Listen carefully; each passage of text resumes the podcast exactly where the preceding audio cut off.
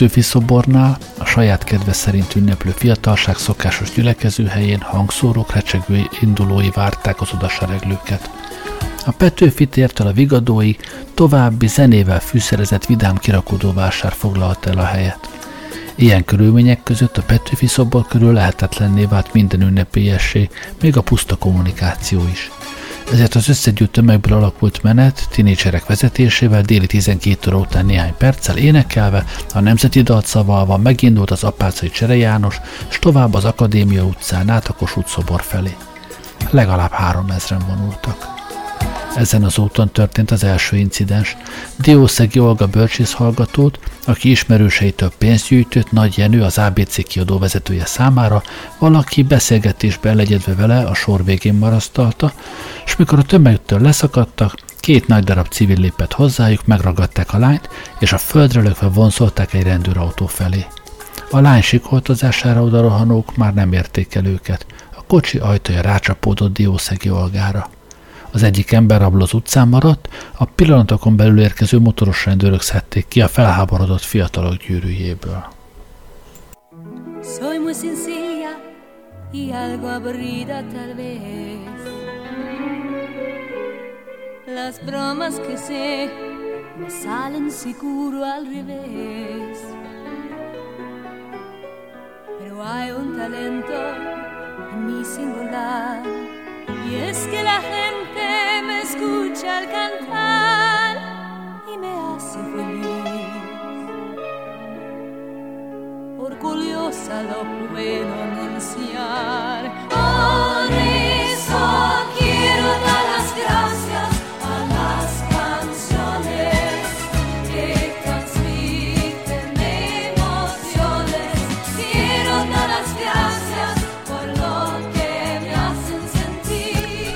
sentir. A Kossuth szobornál nem üvöltöttek hangszóró, viszont óriási volt a rendőri készültség.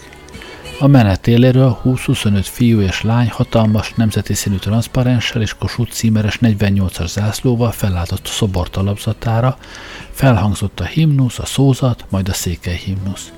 Aztán valaki a tömegben vándorló gépelt papírlapok egyikéről felolvasta I. és Gyula egy mondat a gyarno- zsarnokságról című versét. Egy vékonyka fiatal nő lépett a gyerekek közé a szobor talapzatára, és a Betlen alapítványról beszélt. Ő is csak hangszálaira hagy hagyatkozhatott, mivel erősítés nem volt. A legalább három ezer ember némán figyelt. Ezután egy fiatal ember állt elő, és bejelentette a tömegnek Diószegi Olga elhurcolását.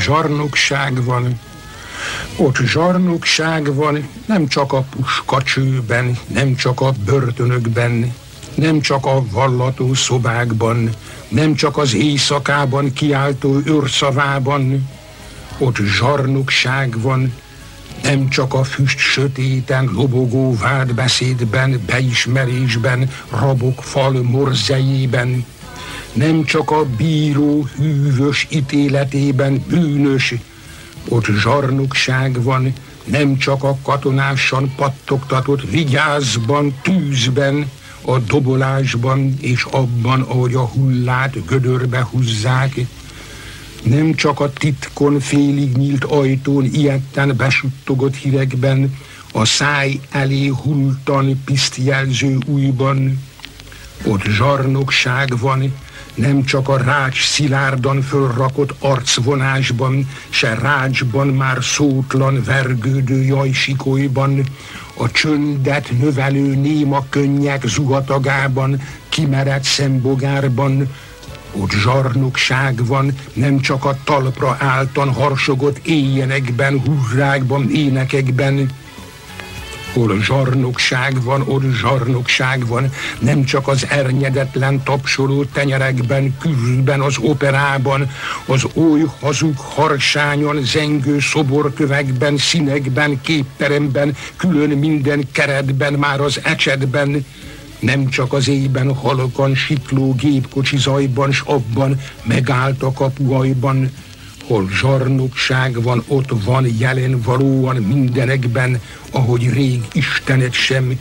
Ott zsarnokság van az óvodákban, az apai tanácsban, az anya mosolyában, abban, ahogy a gyermek idegennek felelget.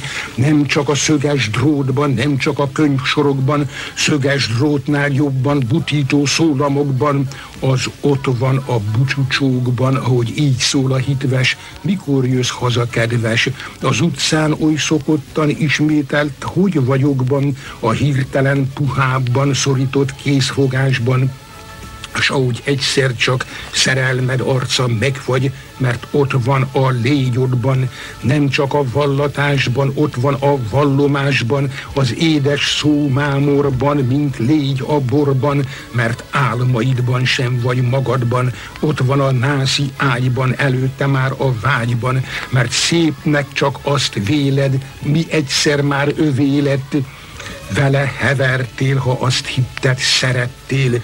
Tányérban és pohárban ott van az orban, szájban, hidegben és homályban, szabadban és szobádban, mintha nyitva az ablak, s bedől a dökszag, mintha a házban valahol gázfolyás van, a magadban beszélgetsz, ő a zsarnokság kérdez, képzeletedben sem vagy független, fönt a tejút is már más határsáv, hol fény pásztáz, aknamező, a csillag, kémlelő ablak, a nyüzsgő égi sátor, egyetlen munkatábor, mert zsarnokság szól lázból, harangozásból, a papból, kinek gyónol a prédikációból, templom, parlament, kinpad, meg annyi színpad, hunyod, nyitod a cidade, mind az tekint rád, mint a betegség veled megy, mint az emlék, vonatkereke hallod, rab vagy rab, erre kattog,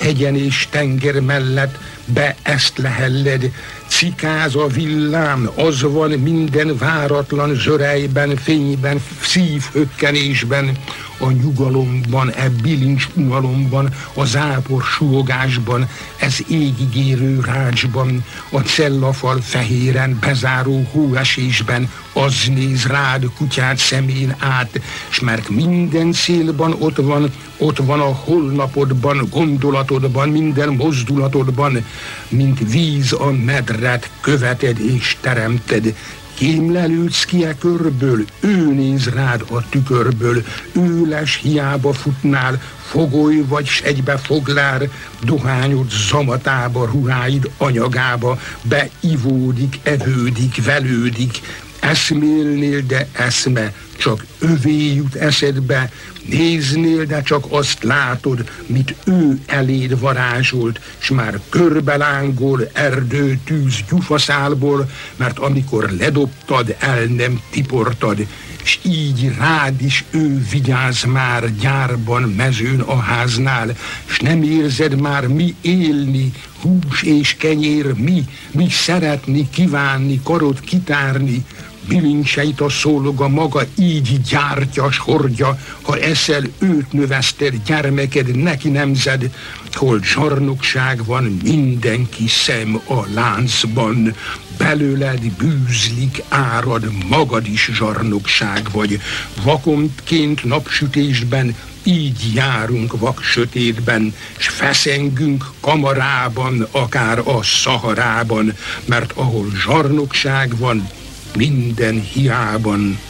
A dal is az ilyen hű, akármilyen mű, mert ott áll eleve sirodnál, ő mondja meg ki voltál, porod is neki szolgál.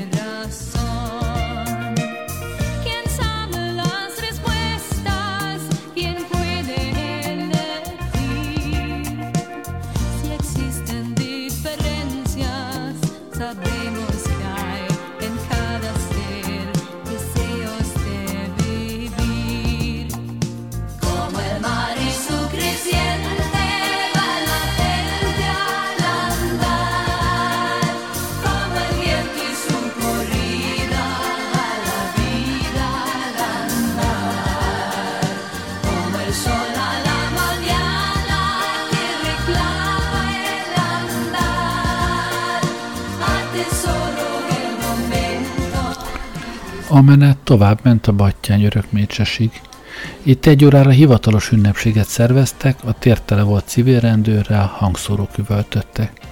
A tömeg megkísérelte egy himnusz erejéig túlhangs, túlharsogni, aztán gyorsan tovább ment a Néphadsereg utcán és a Margit hídon át Budára a Bemszoborhoz. A hídon vagy ötezren vonultak. A rendőrautók és motorosok végigkövették a menetet, de párhuzamos utcákon, csak néha mutatták magukat egy-egy kereszt utca torkolatában. Ilyenkor taps és fügy harsant fel, néha egy-egy emberrablók kiáltással. Szorványosan jelszavak is hangzottak. Éljen Magyarország, éljen Erdély, és egy-egy pont a nevezetes 12-ből. Sajtószabadságot, Unió Erdéllyel. Szorványosan lehetett hallani, éljen a demokráciát és Lecseuseszkuvalt is. A tömeg végig az úttesten haladt, a forgalomnak le kellett állnia. A rendőrök nem avatkoztak be, hagyták az úttesten vonulni a menetet. A villamosok és autóbuszok utasai inkább rokonszenvüknek, semmint türelmetlenségüknek adtak kifejezést.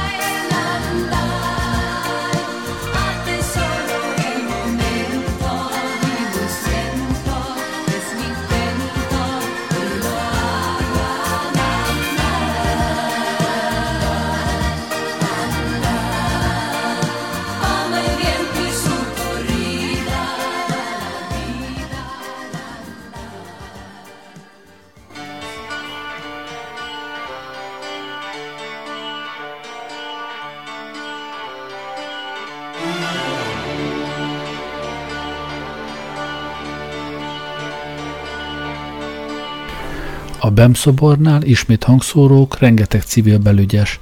Néhány fiatal testével próbálta elszigetelni a hangszórókat, amíg az ünneplők eléneklik a himnuszt. Tovább a Battyányi térre. Egyesek már indultak is, s két civil belügyes a tér, tér déli végénél ismét megpróbált elhurcolni közülük egy fiatal fiút. Mint utóbb kiderült, a fiú egy vörös papírzászlót húzott ki pár perccel korábban a szobor alatti zászlóerdőből. Most azonban a menetelük már éberebbek voltak, a fiút kitépték a nyomozók kezéből. A Battyány téren a Kölcsei szobornál ismét himnusz, szózat, székely himnusz hangzott el, majd megint előlépett a Kossuth szobornál megismert fiatalember. Azt indítványozta, hogy addig senki nem menjen el innen, amíg Diószegi Olgát szabadon nem engedik. 800 ezer főre addig, addigra a tömeg, s nagy része egyetértése jelejű leült a földre. Kb. háromnegyed három volt.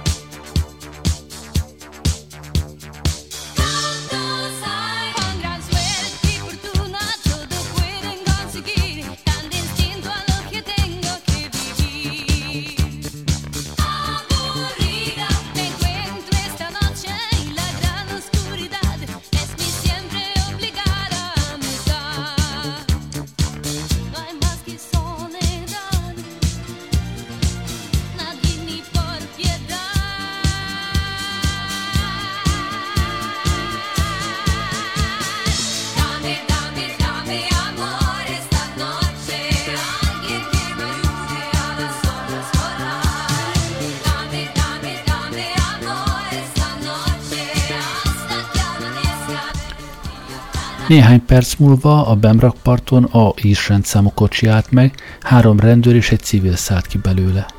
A diószegi olgával szolidarizáló békés tüntetést kezdeményező fiatalember odament hozzájuk tárgyalni.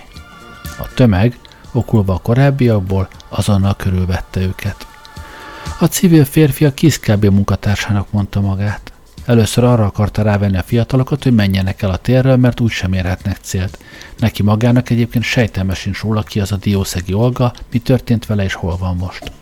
Látványosan telefonálgatott a kocsiból, de a de- Deák főkapitányság sem tudott semmit. Aztán azt igyekezett szép szóval elérni, hogy legalább az úttestet és az ő kocsijának útját hagyják szabadon. Az autót körülfogó többszörös gyűrű azonban nem mozdult. A fiatalok, visszategezve a jó 30-as kis munkatársat, aki és szorult helyzetében végül is együttérzéséről biztosította jelenlévőket, válaszolgatni kezdtek neki és egymásnak is. Bár sokan nem titkoltsák kétségeiket a KISZ funkcionárius tájékozatlanságával és egyáltalán szereplésével kapcsolatban, egyetlen durva gyalázkodó szó sem hangzott el, a gyűrűbe szorult rendőröket sem bántotta senki. A tüntetők kívánságának közvetítésére vállalkozó, kezdeményező fiatalember a vita során egy ízben határidőt próbált szabni. Négy óráig hozzák ide diószegi olgát. Ekkor kb. három óra volt. A tüntetők egyszer csak észrevették, hogy a Battyányi tér sarkán levő szociális otthon emeleti sarkablokából filmeznek. A felzúdulás hatására a felvevőgőgép eltűnt.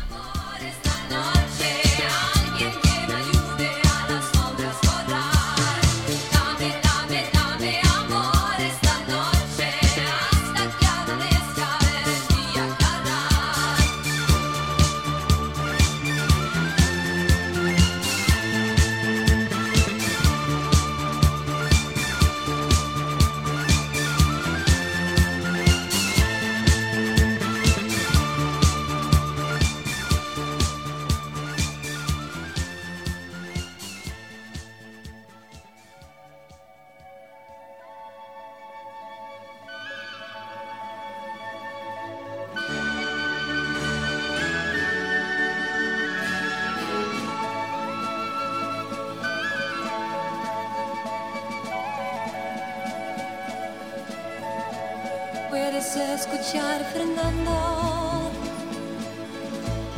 Me recuerda tiempo atrás, estrellas y una noche allá. En la lumbre azul, Fernando. Tarareabas tu canción con ese suave guitarrear. Yo podía escuchar esos tambores con un sordo redoblar.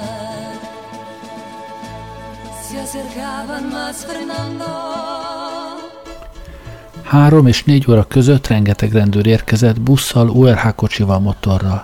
Felsorakoztak a Battyánytérű déli végében. Még kutyákat is hozta.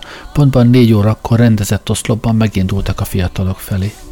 A menetoszlop előtt lépésben URH haladt, melyből hangtörcséren keresztül felszólították a téren tartózkodókat, hogy készítsék elő személyigazolványaikat, igazoltatás következik.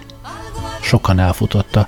Az ott maradókat nem igazoltatták, hanem elvették tőlük igazolványaikat.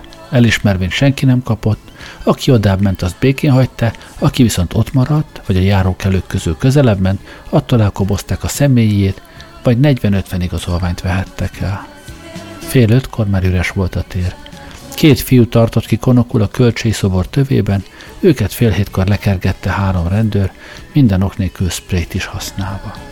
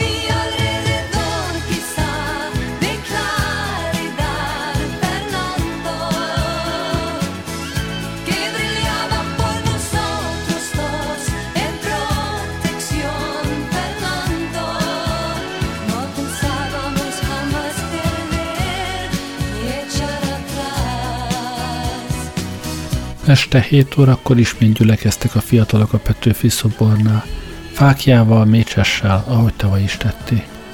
Megint menet indult, énekelve a Vörös Marti tér érintésével a Lánchíd felé. A Roosevelt teret minden irányban rendőrök látták le, csak a Lánchíd felé vezető utat hagyták szabadon. A menet egy pillanatra megtorpant, de aztán felment a hídra. Szemből nem jött forgalom. Mikor mindenki a híd testjén volt már, a Roosevelt rendőrök a nyomukba eredtek és nyomni kezdték a 400-500 főnyi tömeget Buda felé. Mikor a menet vége már az előző sorok sarkába ért, a rendőrök gumibottal ütni kezdték a hátakat. Az első sorok elérték a budai hídfőt, sűrű rendőr sorfalról találták szembe magukat. Senkit nem engedtek el, amíg a személyigazolványát oda nem adta. Az újabb rendőrök újra és újra a személyt kértek, fenyegetőztek és gumibotjaikkal bögdöstek. Így kellett gyakorlatilag egyesével kinkeservesen áthaladni a hídfőn mindenkinek. Aki menekülni próbált, azt üldözőbe vették, aki elesett, rugdosták, aki ellenkezett, azt elvett, elvitték megverni. Néhány fiatalt beültettek az URH-ba. A gyalogos és autós forgalmat a budai hídfőnél várakozó rendőrök már jó előre elterelték a hídtól, egyértelmű, hogy az akcióra a menet viselkedésétől függetlenül készültek. Jelentős zsákmányt ejtette, mint egy 500 személyigazolvány gyűjtöttek be. Fél kilencre a Lánchíd környéke is üres volt. Ugyanerről van egyébként egy személyes beszámoló is. Hét óra körül gyülekeztünk a Petőfi szobornál, többen gyertyával érkeztek, előkerül néhány fákja és nemzeti színű zászló is. A részvevők nem sokára együtt indulnak el a Váci utcán a Vörös Marti tér felé. A Vigadó téren harsog a gépzene, a Vörös Marti téren a Szökőkútnál a szokásos közös éneklés kezdődik el, de csak halkan, szeliden, mintha a félelem szorongatná a torkokat. Feszültség van a levegőben, a godalom tükröződik a tekintetekben.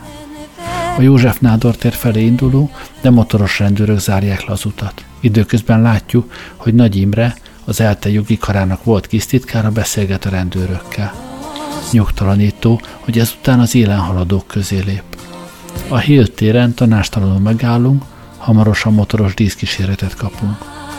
Már biztosan érezzük, hogy valami nincsen rendben. Az október 6-a utcát lezárják előttünk, csak a József Attila utcán haladhatunk a Duna felé. Kiérünk a Roosevelt térre, a teret a belügyminisztérium körül mindenütt lezárták. Terelnek bennünket a Lánchíd felé. Az élen azt mondják, és lehetséges, hogy az információ Nagy Imrétől ered, a hídon nyugodtan átmehetünk. A híd üres. Az úttesten és a járdán halad az időközben erősen megfogyatkozott tömeg. A budai hídfőhöz közeledve veszük észre a rendőrkordont a túloldalon. A rendőrség nagy erőkkel vonult fel, és az egész Clark Adam teret lezárta. A látvány riasztó. A menet megáll, fordulnánk vissza, de a pesti oldalon is motoros rendőrök zárják le a hidat. Hát persze, harapófogóba kerültünk.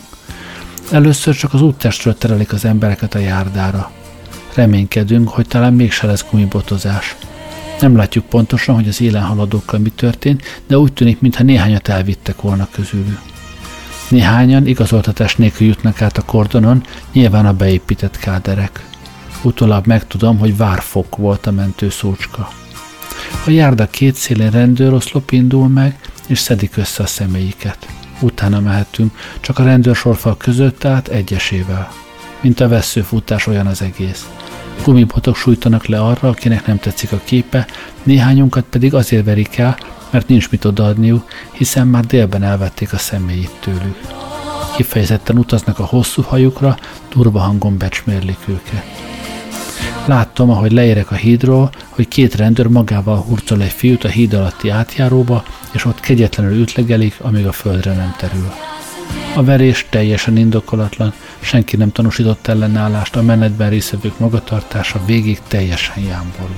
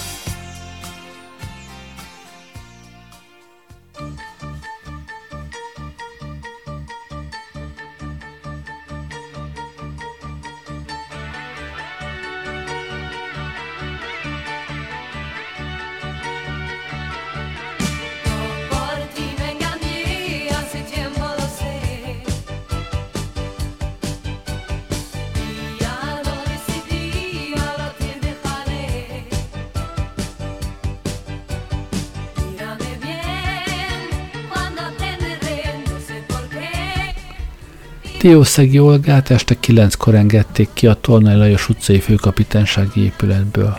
Órákon át hallgatták ki, fenyegették, majd becsukták egy zárkába.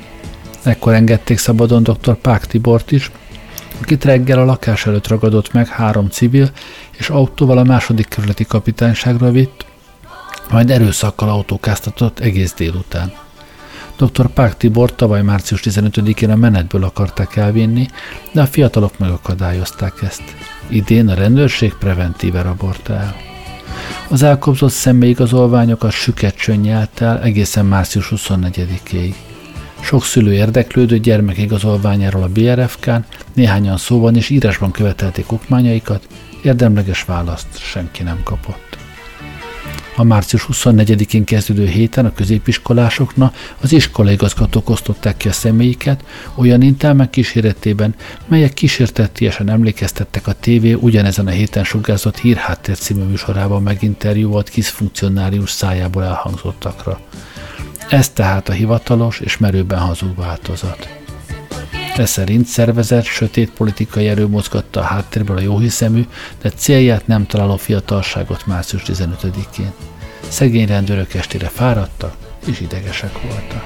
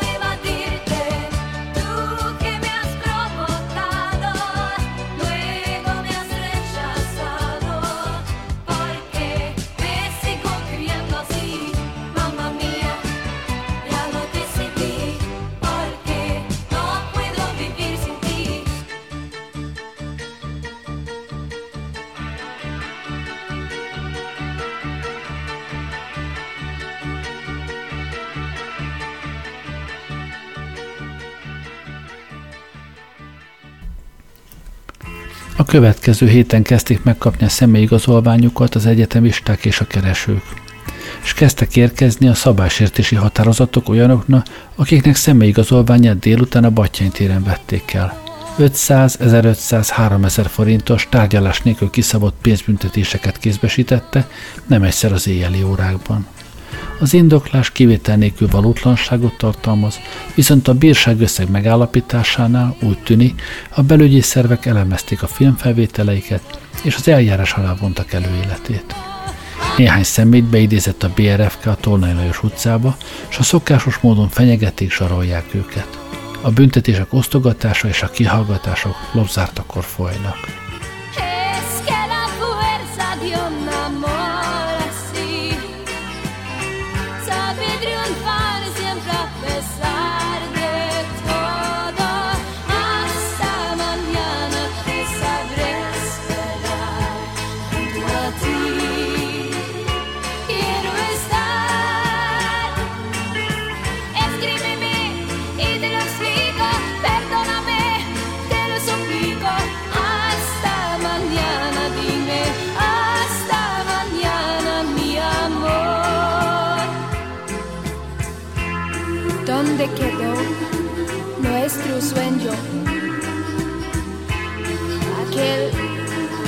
inescapable.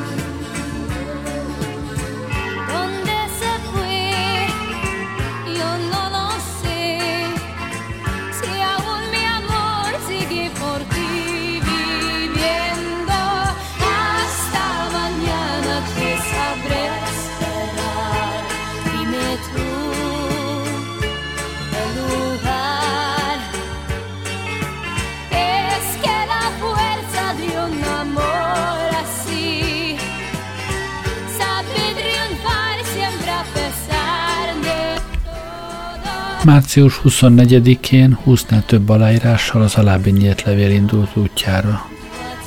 A március 15-e polgár, polgárjogi mozgalom nyílt levele a budapesti rendőrfőkapitányság részére.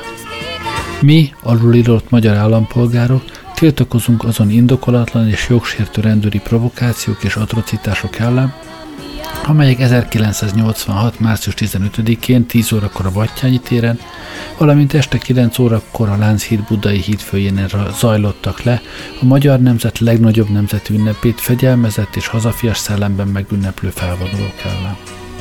Határozottan tiltakozunk a személyigazolványok jogtalan bevonása ellen. Követeljük, hogy minden jogsértett következmények nélkül postai kézbesítés útján azonnal kapja vissza személyigazolványát. Nyomatékosan fel kell, hogy emeljük szavunkat az ifjúságot ért atrocitások ellen. Gumibot és könyvkáz indokolatlan használata, rúdosás, rendcigálás és szitkozódás ellen, példának okáért a felvonuló ifjúság fegyelmezetten viselkedett, nem provokálta a rendőrséget, a rendőri szervek viszont ezzel ellentétben társainak a tömegből való elhurcolásával provokációt követtek el. Mindez az állampolgári és az emberi jogok durva megsértése. Amennyiben követelmény, követelményeinket nem teljesíti, azon leszünk minden törvényes eszközzel, hogy állampolgári engedetlenségi mozgalmat szervezzünk. A közzététel jogát fenntartjuk.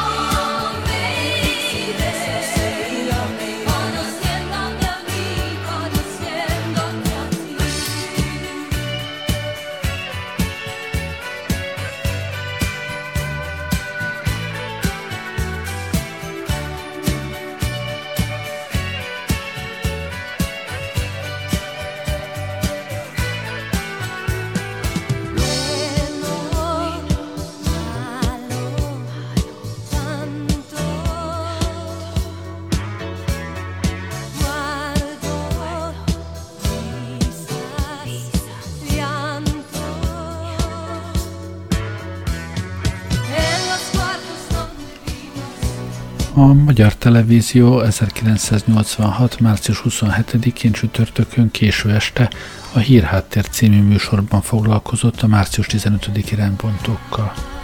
A riporter Mester Ákos, a szakértő Szórádi Sándor volt a Kiszkábéból. Végül is, akiket előállítottak, azokat milyen címen állították elő? akik ellen eljárás folyik a közrend megsértése címén. Most megkérdezhetné azt is, hogy mit jelent. Mit jelent? Igen, én nem vagyok jogász, úgyhogy pontos meghatározást tőlem ne várjon. Egy dolgot tudok. Ha valaki az úttesten nem keresztül megy, hanem hosszában halad, gyalog egy nagyvárosban, pláne a forgalommal szemben, az biztos nem normális, az a közrendet zavaró dolog és mindegy ebből a szempontból, hogy ez március 15-én vagy 16-án történik. Egyedül teszi vagy tízesével, és hogy hazafias lelkesedéssel átítatva, vagy pedig anélkül. Végül is nemzeti öntudat és önbecsülés kérdése is, hogy tisztességesen ünnepeljük meg március 15-ét. Gondolom, hogy mindenképpen ez kell, hogy legyen ennek a történetnek a kiinduló pontja. Gyakorlatilag, ha jól értem az ön szavait, akkor ezt az ünnepet zavarták meg. Most, ami történt, az politikai konfliktusként kell értékelni, vagy nem? Nehéz kérdés, nem akarom elütni se kikerülni se. Március 15-e nagy ünnep, sokan akarják megünnepelni. Tehát magának az ünnepnek politikai súlya, politikai jelentősége van. Az, hogy a fiatalok sokféleképp szeretnének ünnepelni, azt természetesnek tartom. Ez nem a politikai szembenállásnak a kifejeződése, ez valamiféle közösségvágynak, cselekvési vágynak. Az ünneprontók céljai azok politikai célok voltak, de nekik nem március 15-e fontos, nekik ez csak ürügy volt, mint hogy a fiatalok tömege is potenciális eszköz céljaik eléréséhez, ha sikerül megtéveszteni a fiatalokat. Szerintem ez nem sikerült, céljukat nem érték el, ezért én nem tartom összességében politikai súlyú, politikai természetű dolognak, ami történt. Más kérdés, hogy foglalkoznunk kell nekünk is azzal, hogy fiatalok sodródnak az utcán, hibás, téves, bizonytalan történelem szemlélettel, társadalmi nézetekkel. De hát ez már egy másik műsornak azt hiszem a témája. Én nem akarok senkire sem mutogatni, pláne másokra, magunk házatáján söpörve készülünk a kongresszusunkra, és az egyik legfőbb célkitűzésünk, hogy még közelebb kerüljünk a fiatalokhoz.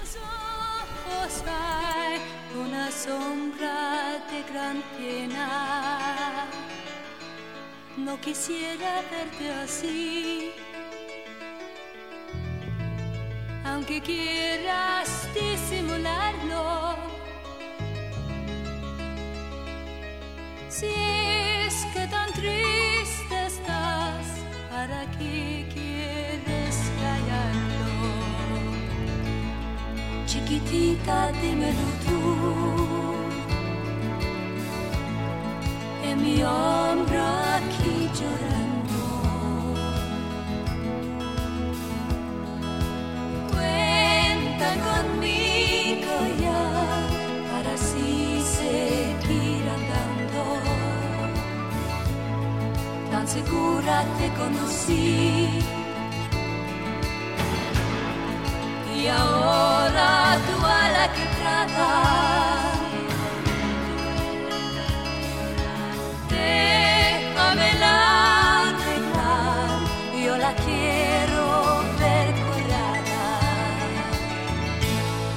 Chiquitita, sabes muy bien que las penas vienen. Az egykorú napi sajtót átnézve én egyetlen egy híret találtam rá. 86. március 18-án a Népszabadságban jelent meg egy mínuszos hír, a budapesti rendőrfőkapitányság szabálysértési eljárást indított 11 személy ellen, akik a március 15-i ünnepi rendezvényeket követően megzavarták a közrendet. Hát ennyi.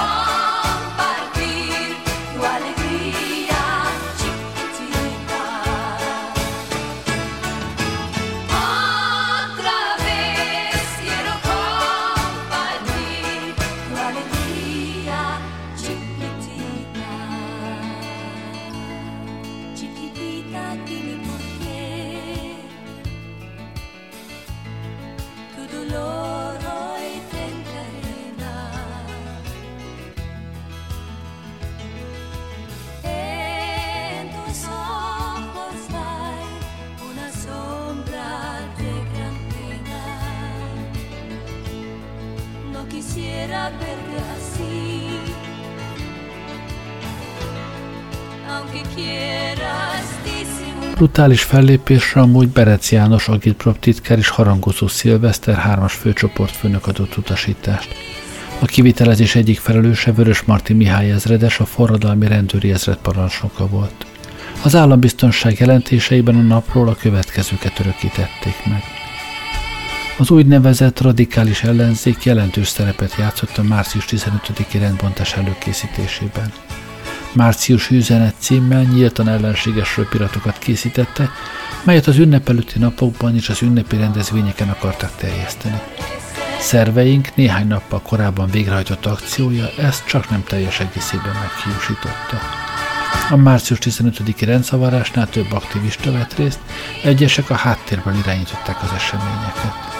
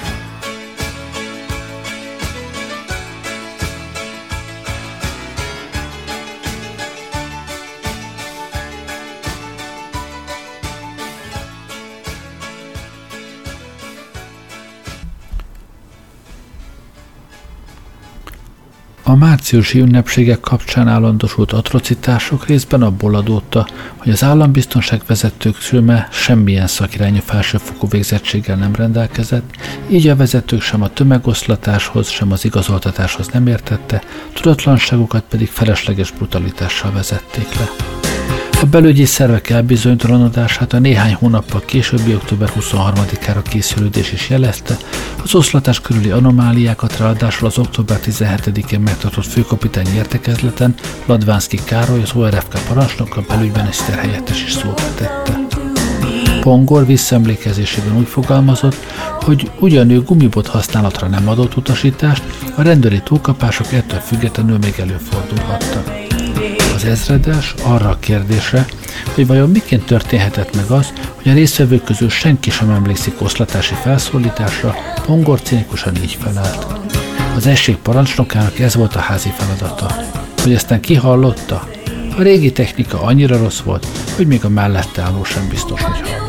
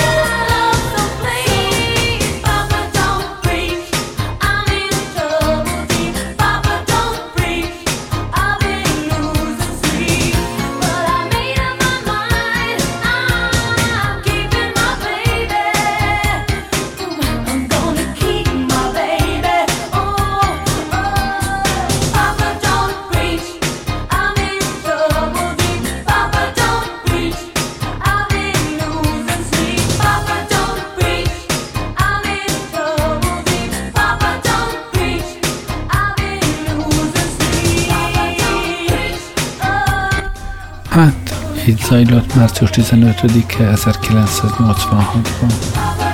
Köszönöm, hogy velem voltatok ma este. Jó éjszakát kívánok. Még egy uh, Madonna szám hátra van. Aztán köszönöm, hogy velem voltatok. Jó éjszakát kívánok.